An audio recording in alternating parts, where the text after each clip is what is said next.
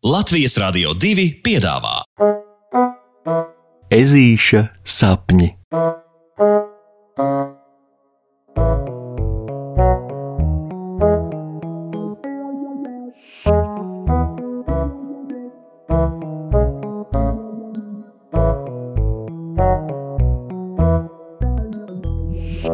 Ezīša eksperiments.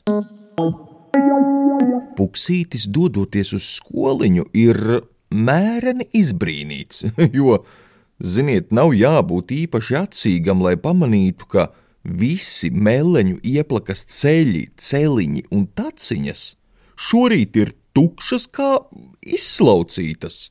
Turpretim visi krūmi, jauno puķu puduri un lielo koku pēnas, čum un muģ no zvēru zvēriem. Hei, kas te šodien notiek? Viņš jautā briedim, kurš pamanījis, ka jautātājs ir puksītis, atviegloti nopūšas un iznāk uz taciņas pie ežuļa. Šodien ir kaut kāds meleņu ieplakas paslēpju spēles čempionāts, ko es esmu palaidis garām, vai? Ežulis smēj. Nu, ne taču, kāds vēl čempionāts? Nu, tu arī prasi tā, it kā pirmo pavasari meleņu ieplakā dzīvotu. Briedis atcērt. Bet tad pats apraujas, saprotot savu kļūdu, jo pukšelim taču nu dien meleņu ieplakā pavasaris šis ir pirmais. Ak, ak, piedod, es pavisam aizmirsu, viņš taisnojas. Nē, nu, vienkārši paklīda baumas, ka šodien esot pamodies ots no ziemas miega. Nu, tas pats, kuram nav iespējams atteikt, bez jokiem, nobeidz briedis un sadzirdējis tālumā tādu kā sīcoņu veikli, atkal paslēpjas aiz tuvējā koka. Ah. Nu jau ežulis sāk nojaust kas īsti šorīt visiem ir lēcies. Tātad, lai arī jūs saprastu, kas par desām un kāpēc meleņu ieplakā šodien nekas nav sierā kā parasti, vispirms jums ir jāzina, ka meleņu ieplaka izsenis ir bijusi vieta, kuru visi zvēri dzīvo kopā ļoti draudzīgi. visi izņemot odu. Jo ods Nu, nav tā, ka viņš būtu nedraudzīgs. Gluži otrādi - šamējais ir tik ļoti mega, giga, super draudzīgs, ka dažām labām uzmetas pumpas, viņu redzot vien, plus vēl viņš māk tā lūgties, ka neviens viņam nespēja atteikt. Jūs jautāsiet, kā gan tas var būt, kā gan kāds var būt par draudzīgu? Lūk, izcils piemērs.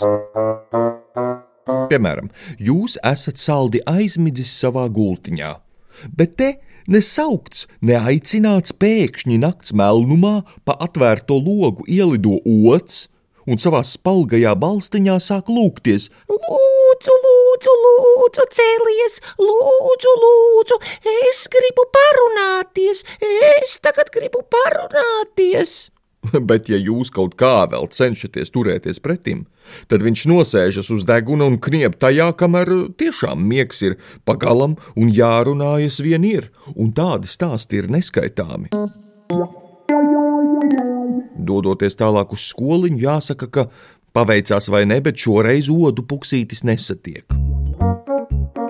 Klasē arī apkārt valda milzīga ņurdoņa. Acīm redzot, baumas par oda pamošanos ir uzzinājuši pilnīgi visi, un pausu galam var dzirdēt, kādus nu katrs skaļ plānus, kā no draudzīgā lūdzēja izvairīties, un kā arī stāstus, kā nu kuram esot gājis citus gadus, jo pie kāda ots esot ieradies ciemos un negājis prom veselu nedēļu, citam uzmeties par tādu draugu, ka pēc skolas nebijis laika mājas darbs pildīt un tā tālāk, un tā joprojām. Sākoties stundai, ežulim par pārsteigumu vienīgā skolotāja meža cūka Loreta izskatās labā omā un nepavisam nesatraukta. Tāpēc kādu laiku skolotāja vērojas, puksītis saņem dušu, vienkārši paceļ roku un tā arī jautā: uh, Skolotāji, Bet kāpēc jūs nebīstaties no eh, nu, tā pārmērīgi draudzīgā oda, eh, tāpat kā visi pārējie? Uz ko Loretas jaunkundze tikai pasmaida, sakot: Redziet, zvērēni, no pārlieku lielas uzmācības jābaidās nav tad, ja prot pateikt nē.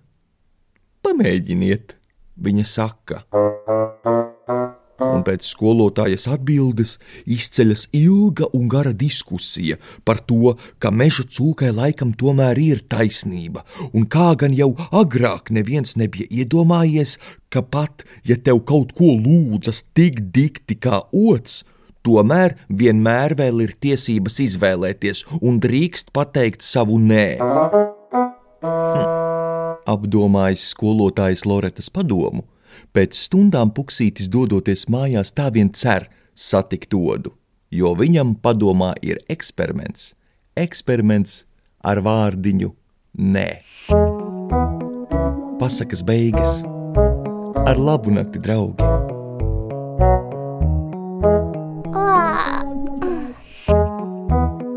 Saldus tev sapnīšus! Tiksimies rītdien!